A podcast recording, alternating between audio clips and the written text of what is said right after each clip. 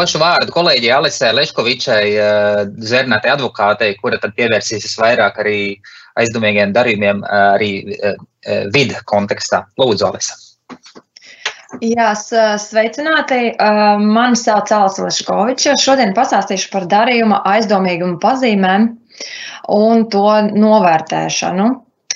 Sākšu es ar atgādinājumu par likumu par nodokļiem un nodevām 22.2 pantu, kurā jau ir uzskaitīts darījumu, aizdomīga darījuma pazīmes.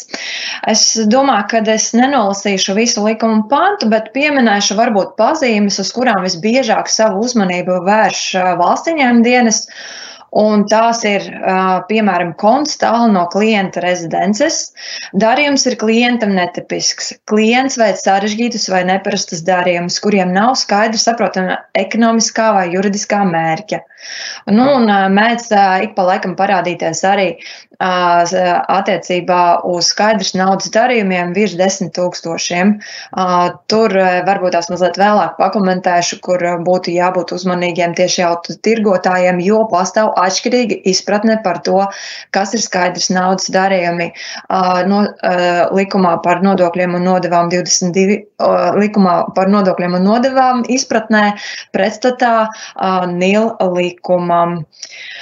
Nākošais gribētu mazliet attiecīgi arī pateikt, varbūt tās pirms mēs pieķeramies tālāk, konstatējot vismaz vienu no pazīmēm, ir jāziņo vidam. Un šeit gribētu atgādināt par jauniem grozījumiem, noziedzīgi iegūtu līdzekļu legalizācijas un terorisma profilā, proliferācijas finansēšanas novēršanas likumā. Es ar jūsu atļauju turmāk es viņus saukšu par nilu likumu. Savādāk mēli var izmežģīt. Uh, Un tātad atgādināšu, ka mēs vairs neziņojam valsts ieņem dienestam patiešām un neveicam dubulto ziņošanu gan FIDam, gan vidam. Mēs turpmāk ziņojam tikai FIDam, atzīmējot, ka ziņojums ir saistīts par aizdomīgu darījumu nodokļu jomā un ir domāts paziņošanai valsts ieņem dienestam. Tālāk visas darbības veiks jau pats FIDs. Tātad Turpinājumā aizdomīgus darījumus ir jākonstatē saskaņā ar iekšējās kontrolas sistēmu, ņemot vērā arī savu un klienta riska novērtējumu. Visbiežāk pieļautās kļūdas ir Piemēram, ka iekšējās kontrolas sistēma nesatur informāciju par nodokļiem un nodevām likuma 22.2 pantu un tajā minētajiem aizdomīgiem darījumiem, par kuriem būtu jāziņo vidām. Bija netik sen strīds, kurš nonāca arī līdz tiesai, un tas skāra jautājumu, vai tiešām būtu iekšējās kontrolas sistēmā uh, ir jācitē likuma pants. Nu, taču ir rakstīts likumā, un uh, likums ir saistošs, vai tiešām būtu attiecīgi jāpāraksta likums. Uz to tiesa pateica tā, ka iekšējās kontrolas sistēmai ir jābūt kā uh, konkrētām vadlīnijām darbiniekiem. Proti, darbiniekam izlasot jūsu iekšējās kontrolas sistēmu, ir jāsaprot, kādi darījumi ir uzskatāmi par aizdomīgiem darījumiem, arī nodokļiem un nodevām likuma izpratnē, un konstatējot kādu no pazīmēm, ko viņam tālāk būtu ar to jādara, kā viņam būtu jāpaziņo valsts dienestam vai kādas darbības būtu tālāk jāveic. Līdz ar to, ja iekšējā kontrolas sistēma neatbilst šīm prasībām, un tajā nav uh, iekļauts arī um, uzskaitītie darījumi pār, no nodokļiem un nodevām 22.2 panta, tad jums ir īstenībā liels riks kā valsts viņam dienests var jūs arī sodīt. Uh, šajā kontekstā, attiecīgi runājot par darbiniekiem, kā viena no biežāk pieļautajām kļūdām, uz ko valsts viņam dienests īpaši mīl vērst uzmanību, ir uh, darbinieku nepienācīga apmācība. Tātad nav pietiekami regulāri apmācīti vai arī, um, uh, tā teiksim, iekšējās kontrolas sistēma satura atsaucas uz veciem tiesību aktiem. Līdz ar to, līdz ko mainās normatīvais regulējums AML jomā, ieteiktu atjaunāt, atjaunināt attiecīgi arī visu AML dokumentāciju, norādot tos aktuālos tiesību aktus. Par apmācībām šeit gan gribētu vienu vārdu minēt, ka, protams, valstiņiem dienas nāk un pieprasa apmācību žurnālu. Tādi nav obligāti prasīti, nekur likumā tas nav noteikts, un tāda prasība īsti nav likumiska, bet tajā pašā laikā jums ir jāspēj pierādīt, ka jūs regulāri darbiniekus apmācat. Savādāk, ja jums nebūs tāda uzskaita žurnāla, tad būtu jābūt kaut kādiem rēķiniem, materiāliem vai kā citādi, kā jūs varat pierādīt, ka darbinieki ir apmācīti. Tad vēl viena visbiežāk pieļautā kļūda ir, ka netiek veikts riska novērtējums ne sev, ne arī saviem klientiem. Un tādēļ valstiņām dienests un tiesa var arī nonākt pie secinājuma, ka paši, pati iekšējā kontrolas sistēma ir izstrādāta tikai formāli. Netik sen vērsās Vērsās viens klients ar lūgumu palīdzēt sakārtot AML dokumentāciju, jo ir nopirkta standarta dokumentācija uz aptuveni tūkstots lapām, un attiecīgi neviens nespēja orientēties, kas, kas tur ir, kādas darbības būtu jāveic darbiniekiem un tā tālāk. Līdz ar to tādas dokumentācijas arī varētu tikt uzskatītas par formālām. Tad pēdējā, nu, visbiežāk pieļautā kļūda šī temata kontekstā ir tas, ka iekšējā kontrolas sistēma nav iekļauta kārtība, kādā tiek iznīcināta izpētes gaitā iegūtā informācija un dokumenti. Ja, teiksim, lasīt tiesas spriedumus un strīdus ar valstiņiem dienestam, tad tā ir viena no visbiežāk pieminētām kļūdām, par ko valstiņiem dienas ļoti labprātīgi piemēro sodus. Inesa, mēs varam turpināt tālāk. Tālāk es parunāšu mazliet par klientu izpēti aizdomīgu darījumu identificēšanai. Ja? Tātad pēc būtības arī likums prasa, ka klientu identifikācijas anketas ir jālūdz aizpildīt klientiem pirms attiecību uzsākšanas ar klientu un jāvērtē tieši klienta darījuma apjoms. Iepriekš ir bijušas dažādas neskaidrības attiecībā uz likuma pantu, kuru tad darījumu būtu jāvērtē, bet saskaņā ar jaunajiem grozījumiem šī pretruna ir novērsta un skaidri pasaka, ka ir jāvērtē klienta darījuma apjoms. Nu, kā piemēros varētu minēt, ja advokāts sniedz juridiskas konsultācijas par klienta darījumu, kuras summa pārsniedz 15 tūkstoši eiro, tad šis klienta veiktais darījums ir objekts, kuru jāpē, jāizpēta. Tad vēl bija vēl gribētu šajā kontekstā arī pieminēt, tad, kad jūs veicat attiecīgi savu klienta izpēti un tad darījuma izpēti, neaizmirstiet arī pārbaudīt sava klienta sadarbības partnera pārbaudi sankciju sarakstos. Netik sen izcēlās strīds par to, ka valsts ieņēmuma dienas piemēroja sodu par NIL prasību pārkāpšanu sakarā ar to, ka uzņēmums neveica darījuma izpēti un attiecīgi sava klienta sadarbības partnera pārbaudas sankciju sarakstos. Tad, kad uzņēmums teica, bet paklausieties, klienta sadarbības partners ir NATO un vai tiešām mums būtu jāpārbauda arī NATO pārstāvi, uz ko tiesa pateica, likums neparedz nekādus izņēmumus. Tāpēc NATO, ne NATO vajag pārbaudīt. Nākošais, nosakot klienta riska pakāpi, ir jāņem vērā klienta patiesā labuma guvēja saistība ar paaugstinātā riska jurisdikciju. Uh, nu šeit es arī gribētu minēt arī dažus piemērus. Piemēram, klienta patiesā labuma guvējs ir no Krievijas, bet visu laiku šeit uzturās Latvijā.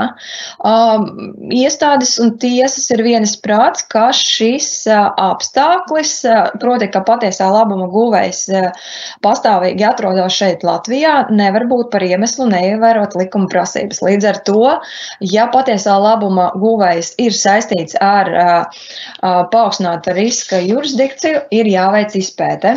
Kā vēl viens tāds ļoti interesants gadījums, eh, kur eh, kur uh, būtu noteikti jāpievērš, ir uh, patiesā labuma guvēja saistībā ar Lielbritāniju. Nu, liekas, Lielbritānija taču tikko bija Eiropas Savienības uh, sastāvā, nu kāda tad tā ir paaugstināta riska jurisdikcija. Un nē, saskaņā ar nacionālo ziņojumu Lielbritānija ir atzīta par paaugstināta riska jurisdikciju, un līdz ar to, ja jūsu klienta patiesā labuma uh, guvējs uh, ir saistīts arī ar Lielbritāniju, ir attiecīgi uh, jāveic izpēte Jā, un jāņem vērā klienta uh, patiesā labuma guvēja saistība ar šo jurisdikciju. Tad uh, tālāk, uh, paturpinot šo tēmu, patiesā labuma guvēja ir jāvērtē arī tad, ja saistīti uzņēmumi. Uh, Tiesa ir diezgan skaidri pateikusi, ka, ja klientam un jūsu uzņēmumam ir viens un tas pats patiesā labuma guvējs, proti, jūs esat saistītie uzņēmumi, Tas jūs neatbrīvo no pienākuma vērtēt arī šī klienta darījumus un ziņot par tiem, ja tie ir aizdomīgi. Tāpēc atbildot arī uz vienu no jautājumiem, kurus mēs saņēmām pirms šī semināra, vai ir jāpēta arī saistītā uzņēmuma darījumus, jā, ir jāpēta. Un šajā sakarā visbiežāk pieļautās kļūdas, kuras valsts ieņēmuma dienests konstatē AML pārbaudas laikā, ir tas, ka klientu identifikācija visbiežāk notiek pēc darījuma. Uh, um, nav identificēti patiesā labuma guvēji vai kā patiesā labuma guvēji norādītās juridiskās personas. Ir jānorāda tikai fiziskas personas. Uh, šeit gan es gribētu norādīt arī uz grozījumiem uh, uh, NIL likumā. Uh, ir veikti arī grozījumi šajā sakarā, īpaši attiecībā uz juridiskiem veidojumiem, piemēram, par um, um, trustiem. Ja jūsu klients ir trusts, tad uh, tiks uzskatīts, ka jūs izpildījāt šī likuma prasības arī tad, ja jūs identificējāt atbildīgās personas. Proti, trastiem varbūt tās nav iespējams tik vienkārši konstatēt patiesā labuma guvējums, bet ja jūs izpildat tās prasības, ko prasa likums, identificējot arī atbildīgās personas, tad tiek, tiks uzskatīts, ka jūs izpildījāt šī likuma prasības un valstiņiem dienas jau tā tik viegli jūs nevarēs sodīt. Nu, un beidzot, ļoti, ļoti bieži tiek pārmests un, un tiek piemērots sots par to, ka dokumenti un saraksti ar klientu netiek saglabāti. Plus, netiek pienācīgi dokumentēta klientu pārbauda. Un bieži vien, kad valsts ieņēmuma dienas atnāk ar pārbaudu, tad īsti nav ko parādīt. Ne anketas aizpildītas, vai arī viņas ir aizpildītas, bet nav parakstītas. Tas viss tiek uzskatīts par pārkāpumu. Ines tālāk. Tad runājot par pazīmēm, kas var liecināt par aizdomīgu darījumu, tad jāpievērš uzmanība, ja klients veic sarežģītus vai neparastus darījumus, kuriem nav skaidrs saprotama, saprotama ekonomiskā vai juridiskā mērķa. Piemēram, klients veic avansa maksājumus par preču iegādi, bet preces ilgstoši nesaņem. Tad no vide skatu punkta tas ir aizdomīgi. Klients sniedz lielus aizdevumus, bet tam nav apgrozījuma. Tas pats arī attiecās, ka klients saņem lielus aizdevumus vai aizņēmumus, ja,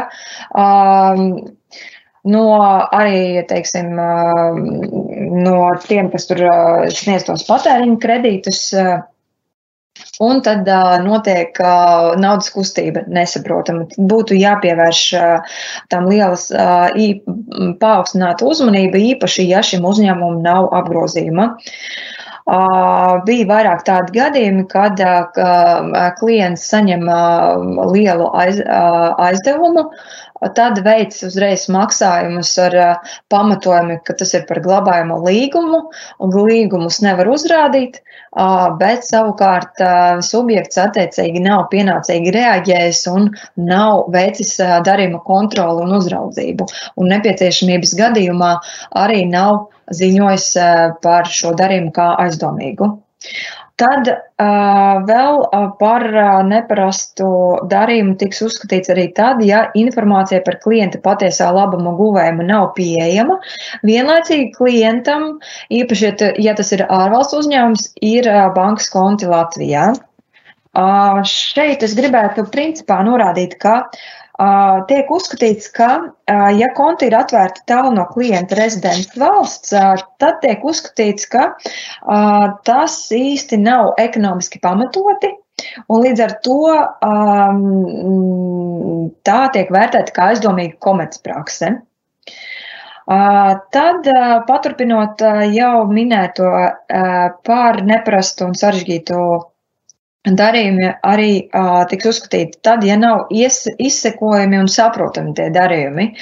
Uh, nu šeit var ļoti daudz piemēr, piemērus minēt, bet te būtu jāvērtē katra situācija atsevišķi. Un uh, visbeidzot, SIA veica rēķinu apmaksu, izmantojot vidi nedeklarētus ārvalstu norēķinu kontus. Uh, Šajā gadījumā, tad, kad tiek konstatēta aizdomīga, kā, aizdomīgs vai neparasts darījums, klientam būtu tomēr jāveic darījuma uzraucība un jādokumentē darījumos izmantoto naudas līdzekļu izcelsme. Un nepieciešamības gadījumā arī būtu jāziņo valsts dienestam par aizdomīgu darījumu. Ja uzņēmums to nedara, tad attiecīgi var būt piemērotas sankcijas. Tas no manas puses būtu viss. Es neesmu sekojis laikam, Andri. Es... Tev vēl ir laiciņš, Alis, tev vēl ir laiciņš pāris minūtes, un, un vai tu varētu pastāstīt sīkāk par kādiem piemēriem, tur, kur darījumi nav izsekojami un saprotami, jo, jo tas šķiet ir, ir, ir tāds ļoti, ļoti svarīgs arī, arī pamats. Uh, nu, bieži vien tie ir tādi uh, darījumi, kur īsti nav kaut kāda ekonomiskā pamatojuma, nav izskaidrojums, kāpēc uh, uzņēmums arī pērk, piemēram, kaut kādas preces vai veids darījumus, kas neatbilst viņa saimnieciskai darbībai. Tālāk tā naudas kustība notiek starp vairākiem uzņēmumiem un tajā pašā laikā nu, arī nespēja izskaidrot. Uh, kāpēc, vajadz, kāpēc tādi darījumi vai pakalpojumi vai preces ir vajadzīgas saimnieciskā darbībā. Tāpēc man te būtu tas tāds drīzāk, ja kādam ir uh, specifiskāks jautājums, tad, tad tas būtu jāpavērtē, ja? jo es labprāt zīmētu schēmiņu un tad vērtētu to katrā gadījumā individuāli, vai tas uh, būtu pamatojums vai nē. Bet šeit būtu jāvadās no vispārīgā principa, vai ir iespējams ekonomiski pamatot uh, darījumu, vai uh, viņš ir ekonomiski uh, vajadzīgs, uh, saprotams, vai arī viņš uh, tik tiešām uh, nu, nespēja ne, nec pamatot, nec arī parādīt kādus dokumentus. Paldies liels!